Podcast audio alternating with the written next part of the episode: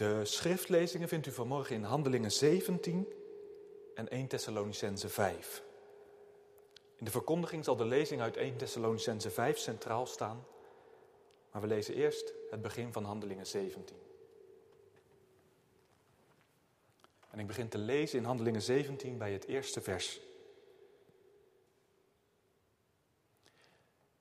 En zij namen de weg door Amphipolis en Apollonia en kwamen in Thessalonica, waar een synagoge van de Joden was. En Paulus ging naar zijn gewoonte bij hen naar binnen en drie sabbatten lang ging hij met hen in gesprek vanuit de schriften. Hij opende die en zette voor hen uiteen dat de Christus moest lijden en opstaan uit de doden en dat deze Jezus de Christus is, die ik, zo zei hij, u verkondig. En sommigen van hen raakten overtuigd en sloten zich bij Paulus en Silas aan. En van de godvrezende Grieken een grote menigte en van de vooraanstaande vrouwen niet weinige. Maar de Joden die ongehoorzaam waren, werden jaloers, namen enkele slechte mannen uit het marktvolk apart, veroorzaakten een oploop en verstoorden de orde in de stad. Ze kwamen op het huis van Jason af en probeerden hen voor het volk te brengen. Maar toen ze hen niet vonden, sleepten ze Jason en enkele broeders voor de bestuurders van de stad en riepen luid: Deze mensen die de wereld in rep en roer gebracht hebben, zijn ook hier gekomen. En Jason heeft hen in huis genomen. En deze mensen handelen alle tegen de geboden van de keizer. Want ze zeggen dat er een andere koning is, namelijk ene Jezus. En zij brachten de menigte en de bestuurders van de stad die dit hoorden in verwarring. Maar toen ze van Jason en de anderen een borgsom ontvangen hadden, lieten ze hen gaan. En meteen stuurden de broeders Paulus en Silas s'nachts weg naar Berea. Tot zover de lezing uit Handelingen 17. We lezen verder in 1 Thessalonicense 5, de versen 1 tot 11. 1 Thessalonicense 5, de versen 1 tot 11.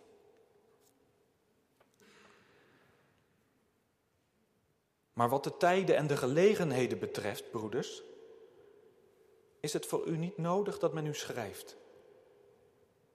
Want u weet zelf heel goed dat de dag van de Heere komt als een dief in de nacht. Want wanneer ze zullen zeggen er is vrede en veiligheid, dan zal een onverwacht verderven overkomen, zoals de barensweeën een zwangere vrouw. En zij zullen het beslist niet ontvluchten. Maar u, broeders, bent niet in duisternis, zodat die dag u als een dief zou overvallen. U bent alle kinderen van het licht en kinderen van de dag. Wij zijn niet van de nacht en ook niet van de duisternis. Laten wij dan niet, evenals de anderen, slapen, maar laten we waakzaam en nuchter zijn. Want zij die slapen, slapen s'nachts. En zij die dronken zijn, zijn s'nachts dronken. Maar laten wij die van de dag zijn, nuchter zijn, bekleed met het borstharnas van geloof en liefde en met de hoop op de zaligheid als helm. Want God heeft ons niet bestemd tot toorn, maar tot het verkrijgen van de zaligheid door onze Heer Jezus Christus, die voor ons gestorven is. Opdat wij, het zij wij waken, het zij wij slapen, samen met Hem zouden leven. Bemoedig elkaar daarom en bouw de een de ander op, zoals u trouwens al doet. Gemeente van Jezus Christus, met enige regelmaat lees je het in de krant of op een site met christelijk nieuws, soms op sociale media. De tijd waarin wij leven wordt door iemand geduid als de eindtijd. Overal zouden de tekenen te zien zijn. Een onvoorspelbare, een ongrijpbare ziekte gaat over de wereld. De kerk wordt, wordt beperkt in haar mogelijkheden. En steeds meer voelen we ook de weerstand van de maatschappij tegen alles wat met geloven te maken heeft. En zo luidt de conclusie dan, we leven in de eindtijd. Het zal niet lang meer duren of onze Heer Jezus zal terugkomen. Soms wordt er zelfs een concrete datum aan verbonden. Binnen zoveel jaar zal het gebeuren. Wij zullen het nog mee gaan maken. Nu zijn er in de kerk altijd grofweg twee groepen. Aan de ene kant zijn er mensen die dat prachtig vinden. Die smullen van theorieën en berekeningen over de eindtijd. Zich daar eindeloos in kunnen verdiepen en daar graag over praten. Maar als ik me niet vergis, horen de meeste mensen in onze traditie bij die andere groep. De groep die sceptisch is over alles wat met de eindtijd te maken heeft. Er zijn immers in de kerkgeschiedenis al zoveel van die berekeningen geweest, zoveel theorieën en evenveel teleurstellingen. Nee, aan die overspannen verwachtingen, daar kunnen we maar beter niet aan meedoen. En trouwens, heeft de Bijbel ons daar zelf niet ook voor gewaarschuwd? Voor dat soort hersenspinsels? Zegt de Heer Jezus het niet zelf? En ook Paulus in het hoofdstuk wat we hebben gelezen. De dag van de Heere komt als een dief in de nacht. Is dat niet de genadeklap voor al die voorspellingen? En inderdaad, Paulus zegt het heel duidelijk. Het is, zo suggereert hij, zelfs algemeen bekend. Het beeld dat de Heer Jezus ooit gebruikt had om over zijn wederkomst te spreken, het is een gevleugeld woord geworden. De dag van de Heere komt als een dief in de nacht. En daarom, zo begint Paulus in vers 1, is het eigenlijk niet nodig hier nog over te schrijven. Niet nodig om nog een keer terug te komen op de tijden en gelegenheden. Met lichte ironie schrijft hij het. U weet heel goed dat we dat niet goed kunnen weten. Maar kennelijk was er uit de gemeente van Thessalonica wel om gevraagd. Of, of Paulus had via Timotheus gehoord dat er iets speelde in de gemeente. Op zijn zendingsreis was, was Paulus in Thessalonica geweest. We hebben daarover gelezen uit Handelingen 17. Gewoontegetrouw was Paulus eerst naar de synagoge gegaan, in gesprek geraakt met de Joden. Drie weken lang had hij vanuit de schriften het evangelie met hen gedeeld. En steeds weer had hij het vanuit het Oude Testament benadrukt. De Messias moest lijden en opstaan uit de doden. En, en juist dat is nu in Jezus Christus werkelijkheid geworden. Een paar van deze Joden waren overtuigd geraakt. Maar vooral een grote groep van de godvrezende Grieken en een aantal rijke vrouwen. Daardoor waren de Joden jaloers geworden op het succes van Paulus. Boos omdat die groep meelevende Grieken de synagoge nu links lieten liggen.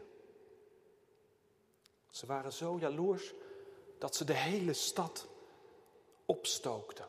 Een groot oproer hadden veroorzaakt. Uiteindelijk was het met een sisser afgelopen. Maar de spanning hing als het ware nog boven de stad. En de jonge gemeente had nog diezelfde nacht Paulus en Silas weggestuurd. De stad was voor hen niet meer veilig. En zo blijft daar dan die kleine jonge gemeente achter. In die immense wereldstad. We moeten denken aan een groepje van, van hooguit een enkele tientallen gelovigen. Een klein clubje gelovigen in die enorme stad. Met drie weken onderwijs van Paulus.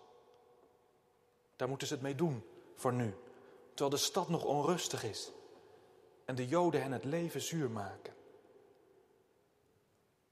Paulus denkt veel aan die kwetsbare gemeente die hij hals over kop achter moest laten.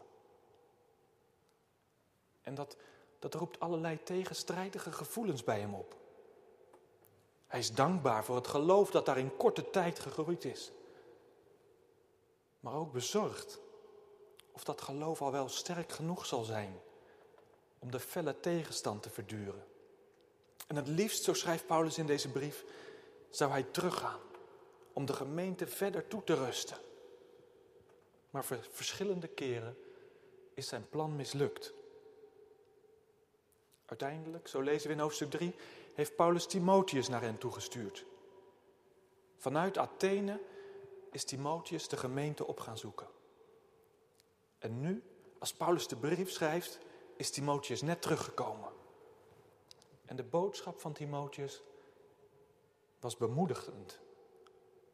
Paulus is er blij van geworden, dankbaar ook. Maar het bezoek van Timotheus heeft ook aanleiding gegeven om een brief te schrijven. Want er zijn een paar onderwerpen waarover de gemeente verder toegerust moet worden. Hoe dat precies gegaan is, weten we niet. Misschien zijn in de gesprekken die Timotheus gevoerd heeft deze thema's wel aangeroerd. En heeft de gemeente gevraagd, hoe zit dat nu? Of misschien heeft Timotheus in die gemeente om zich heen gekeken, goed geluisterd. En bij terugkomst tegen Paulus gezegd, hier moeten ze echt meer over weten. Het belangrijkste punt is de toekomstverwachting van de gemeente. In hoofdstuk 4 is Paulus eerst ingegaan op de bestemming van de doden. Want hoe zit het nu met de medegelovigen die overleden zijn? Waar zijn zij? Is er hoop voor hen? Paulus heeft de gemeente bemoedigd. Zowel degenen die gestorven zijn, als de levenden, zullen de wederkomst van de Heer meemaken. En allemaal wacht hen dat heerlijke perspectief. Zo zullen wij altijd bij de Heere zijn. Maar nu in hoofdstuk 5 gaat Paulus nog dieper op de wederkomst zelf in. En dan vooral op die vraag. Wanneer? Kennelijk was dat een vraag die de gemeente erg bezig hield. Wanneer komt die dag nu? En hoe kunnen wij ons daarop voorbereiden? Tegen die achtergrond klinken dan die bekende woorden. De dag van de Heere komt als een dief in de nacht. Juist wanneer niemand erop rekent. Juist wanneer vrede en veiligheid gevierd worden. Juist dan. Onverwachts. Als we hier zouden stoppen, dan klopt ons beeld helemaal. We hoeven niet mee te doen met alle berekeningen rond de eindtijd en de wederkomst. Dat gaat ons allemaal niet zoveel aan. Dat is zelfs bij voorbaat een zinloze onderneming. Als we die tekst zo uit zijn verband halen, dan zijn we wel, wel erg snel klaar. Dat kunnen we natuurlijk niet zomaar doen. Want Paulus gaat in zijn brief nog wel even verder. En wel op een verrassende manier. Want, zegt Paulus, de dag van de Heere die komt als een dief in de nacht. Maar niet voor u. Voor u broeders en zusters, komt die dag niet als een dief in de nacht. Hé, Paulus? Wacht eens even. Waren dat niet de woorden van de Heer Jezus zelf? Van die dief in de nacht? Wat bedoel je precies? Als een dief in de nacht, dat wel, maar niet voor ons? Hoe zit dat? Kort gezegd komt de kern van dit hoofdstuk hierop neer. De dag van de Heere, die komt als een dief in de nacht. Maar wie gelooft in Jezus Christus, die leeft in het licht, niet in de nacht. Wie gelooft in Jezus Christus, hoort niet langer bij het koninkrijk van de duisternis, maar die is een kind van het licht, een kind van de dag.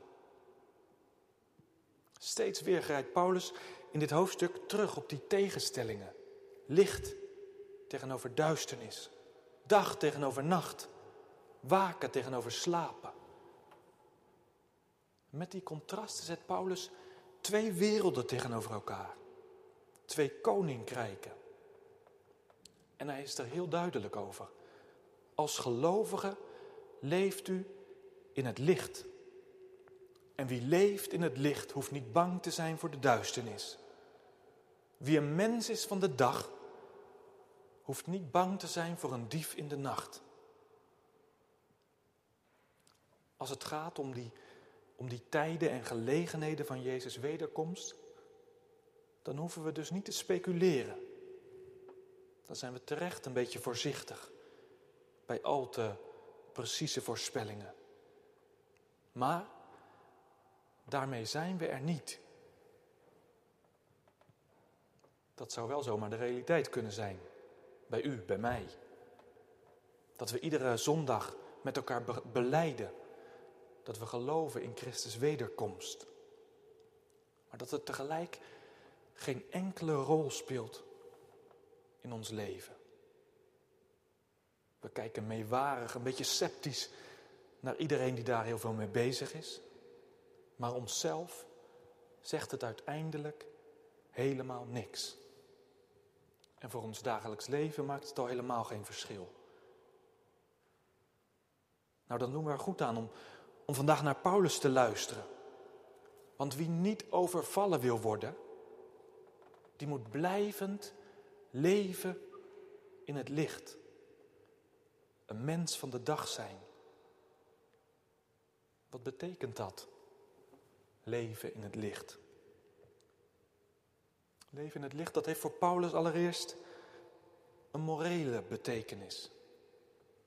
Bij een leven in het licht passen de werken van de duisternis niet. In deze brief heeft de focus sterk gelegen op seksuele reinheid. Bij een leven in het licht past geen ontucht, in welke vorm dan ook. Paulus heeft het de gemeente ingeprent. God heeft ons niet geroepen tot onreinheid, maar tot leven in heiliging. Maar in dit vijfde hoofdstuk trekt Paulus het ook breder. Een leven in het licht, zo zegt hij, dat is waakzaam leven, nuchter leven. Als gelovigen gaan we niet slaapwandelend het leven door, mee met de stroom van wat er om ons heen gebeurt. Meegezogen door alle dingen die, die ons uiteindelijk, hoe subtiel ook, bij God vandaan trekken. Want voor we het weten, treffen we onszelf dan weer aan in het domein van de duisternis. En juist omdat het vaak zo subtiel gaat, zo beetje bij beetje, zegt Paulus dat waakzaamheid nodig is. Open ogen en ook eerlijkheid naar onszelf. Want er zijn weinig mensen die van de ene op de andere dag verslaafd raken aan porno. Of alcohol verslaafd. Dat word je ook niet van de ene op de andere dag. Het begint met van die, van die kleine, haast onschuldige keuzes. Heel even maar. Uit nieuwsgierigheid. Eén keer wat te veel. Gewoon om te weten hoe het voelt. En daarna nog een keer. Eén keertje maar hoor. En voor we het weten, zitten we helemaal niet meer te wachten op het licht. Zitten we zo vast in de duisternis dat dat licht veel te onthullend zou zijn. Dat is trouwens niet alleen zo met de werken van de duisternis. Dat het, dat het subtiel en stap voor stap gaat. Ook met de dingen die bij het licht horen. Misschien, misschien hadden we wel een vast patroon van Bijbellezen en gebed. We leefden daarvan, volop in Gods licht. Maar langzaamaan ging wat van de vreugde verloren. We sloegen eens een keer een dag over. En een dag werd zomaar een week. Een week werd een maand. En nu? Als u eerlijk bent, hoe lang is het geleden dat u echt gebeden heeft? Als we eerlijk zijn tegen elkaar, is er, is er vaak maar zo bar weinig licht over in ons leven. De Bijbel blijft op veel dagen dicht. En hoe we moeten bidden kunnen we haast vergeten zijn. Als we zo in alle eerlijkheid tegen elkaar moeten zeggen dat we vaak niet in het licht leven, dan is dat gedeelte van vanmorgen een aansporing. Leven in het licht is waakzaam leven, nuchter leven. Zet daarom de, de luiken weer open. Laat het licht binnenstromen. Open vandaag uw Bijbel en vouw uw handen. Laat Gods licht de duisternis uit uw leven verdrijven. Dat is het eerste wat Paulus zegt. Leven in het licht, dat is waakzaam leven, nuchter leven. Niet slaapwandelend, maar, maar oplettend of de duisternis niet langzaamaan terrein wint in ons leven.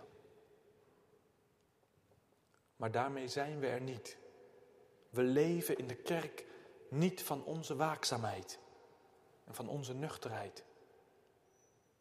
Gelukkig niet. Leven in het licht, dat is leven in waakzaamheid en nuchterheid, dat zeker. Maar dat is niet de kern. Paulus steekt in vers 8 dieper af. Leven in het licht is een leven dat gekleurd wordt door, door geloof, hoop en liefde. In Romeinen 13 zegt Paulus het zo. Laten we de werken van de duisternis afleggen en de wapens van het licht aandoen. Geloof, hoop en liefde. Dat zijn de wapens van het licht. Dat is de wapenrusting die God ons aanreikt. Geloof, hoop en liefde. Alle drie hebben ze hun eigen functie in het geloofsleven. Maar één ding hebben ze met elkaar gemeen. Ze vinden hun kracht buiten zichzelf. Liefde is in zichzelf niks. Het wordt pas liefde als ze zich uitstrekt naar een ander. Ook geloof is in zichzelf niets. Geloof is altijd geloof in iets. En hoop, hoop is altijd hopen op iets. Deze drie, geloof, hoop en liefde, ze vinden dus hun kracht buiten zichzelf. En juist daarom zijn het zulke krachtige wapens. Vooral de hoop is in deze brief een sleutelwoord. Je hoort het woord deze dagen veel. We hopen allemaal dat alle maatregelen niet te lang duren. We hopen dat ze effect hebben. We hopen dat er medicijn gevonden wordt. Hoop is dan zoiets als, als wensen. Maar in de Bijbel is hoop iets diepers, iets krachtigers. Hoop richt zich namelijk niet op een onzekere toekomst. Een toekomst waarvan we nog maar af moeten wachten hoe het uit zal pakken. Christelijke hoop klemt zich vast aan een werkelijkheid die zeker komt. En hoop is zo intens gericht op die toekomst dat ze nu al kan genieten van haar werkelijkheid. Het is, het is als lopen in het licht van de morgen die nog moet beginnen.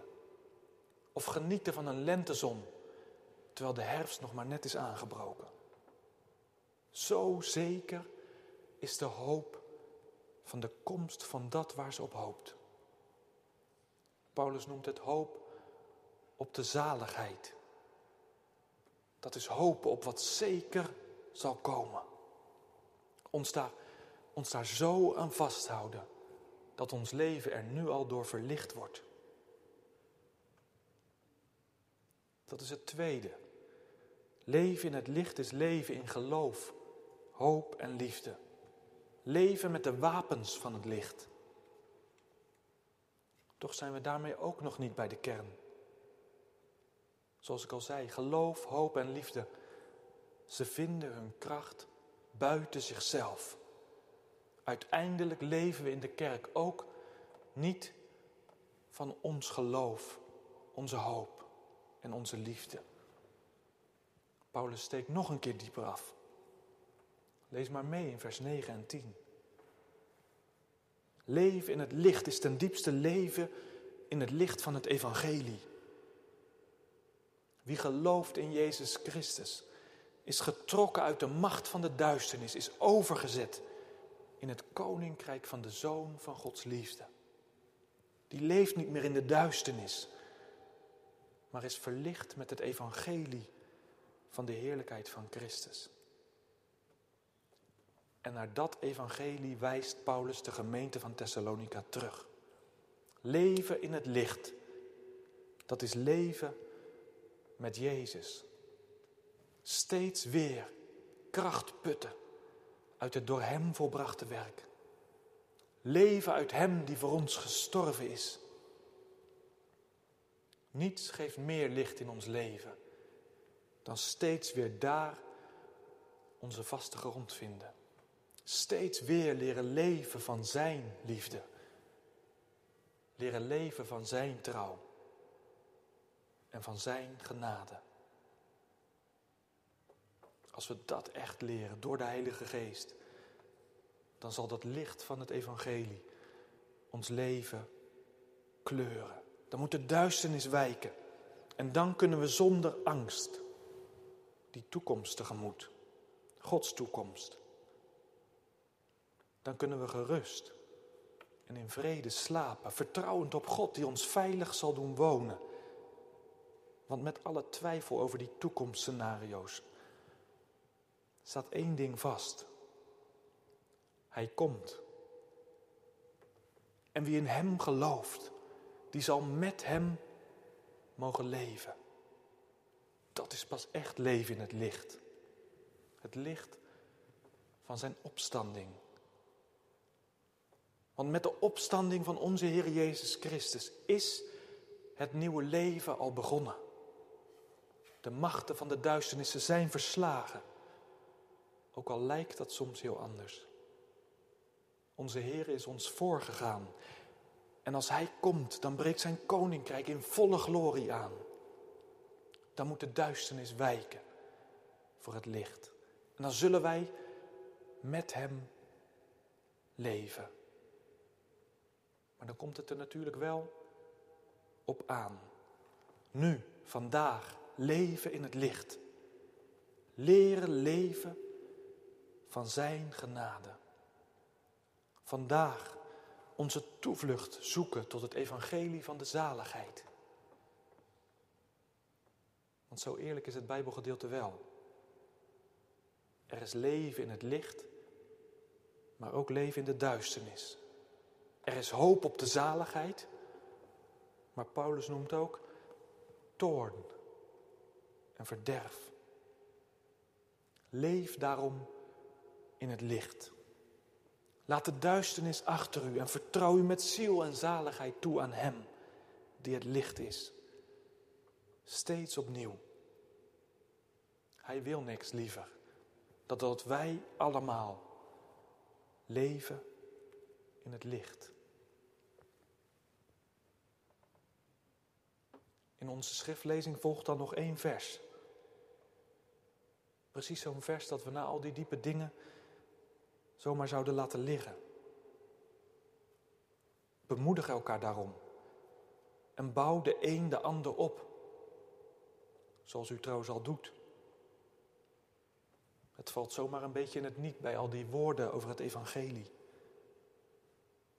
Maar juist in de tijd waarin wij nu leven, moeten we er maar niet te snel overheen lezen. Bemoedig elkaar. Bouw elkaar op. Net als Paulus vertrouw ik erop dat er al heel veel gebeurt in uw gemeente. Wat zijn er niet altijd weer veel mensen die van dat prachtige, onzichtbare werk doen? Omzien naar wie het moeilijk heeft. Hier een kaartje, daar een telefoontje. Praktische hulp in huis of, of bij de boodschappen. Dat zijn geen bijzaken. Dat heeft alles te maken met leven in het licht. Voor Paulus was het in ieder geval geen bijzaak. kern van het christen zijn en van het gemeente zijn. Waarom denk ik dat? Nou, in deze zin staat een van de lievelingswoorden van Paulus. Nee, het is niet het woord waar wij snel aan denken als we denken aan de boodschap van Paulus. Maar als je kijkt welke woorden hij nou graag gebruikt, dan springt er naast woorden als geloof en liefde nog een woord uit. Elkaar. Steeds weer in bijna al zijn brieven gebruikt Paulus dat woord. Elkaar. Geloven doen we met elkaar. Leven in het licht doen we met elkaar. Het is een belangrijke herinnering voor ons. We leven in een cultuur waarin we het, vooral zelf moeten maken. Waarin alles draait om onze carrière, onze zaak, onze resultaten. En in deze periode kan dat zomaar uitvergroot worden. Dat we het gevoel hebben helemaal alleen te staan. Ieder op zijn eigen eilandje. En dan zegt Paulus het ons heel duidelijk. Zo gaat het er in de kerk, in het lichaam van Christus, niet aan toe. Daar hebben we elkaar blijvend nodig. En daarbij mag het ook over de inhoud gaan. Juist dat is vaak nog niet zo eenvoudig. Als we, als we bij elkaar komen voor een Bijbelkring, dan hebben we het natuurlijk met elkaar over de Bijbel. Dan bespreken we belangrijke dingen. Maar daarbuiten, als we elkaar aan de telefoon hebben, bij elkaar over de vloer komen, koffie drinken met elkaar, bemoedigt u de ander dan wel eens met het evangelie? Bouwen wij elkaar echt op in het leren leven van Gods genade? En nee, dat hoeft natuurlijk niet altijd. Er is ook een tijd voor koetjes en kalfjes. Voor de alledaagse dingen. Voor een lach en een traan. Maar Paulus gaat er toch wel vanuit dat het er in de gemeente van komt. Van die momenten dat wij elkaar het evangelie voorhouden. Elkaar bij de les houden. Elkaar bemoedigen en troosten. Maar zegt u misschien, ik ben niet zo'n prater. Ik zou echt niet weten wat ik tegen de ander moet zeggen. Begin dan maar gewoon bij de boodschap van vanmorgen. Bij dat wat we van Paulus hoorden. Want volgens Paulus is dat nu juist een bemoedigende boodschap bij uitstek. Wie gelooft in Jezus Christus, leeft niet in de duisternis, maar die leeft in het licht. In het licht van kruis en opstanding. En vanuit dat licht mogen we de wapens van het licht opnemen. Leren leven in geloof, hoop en liefde. Alleen dan kunnen we echt weerstand bieden aan de werken van de duisternis. En alleen dan kunnen we met vertrouwen de toekomst tegemoet.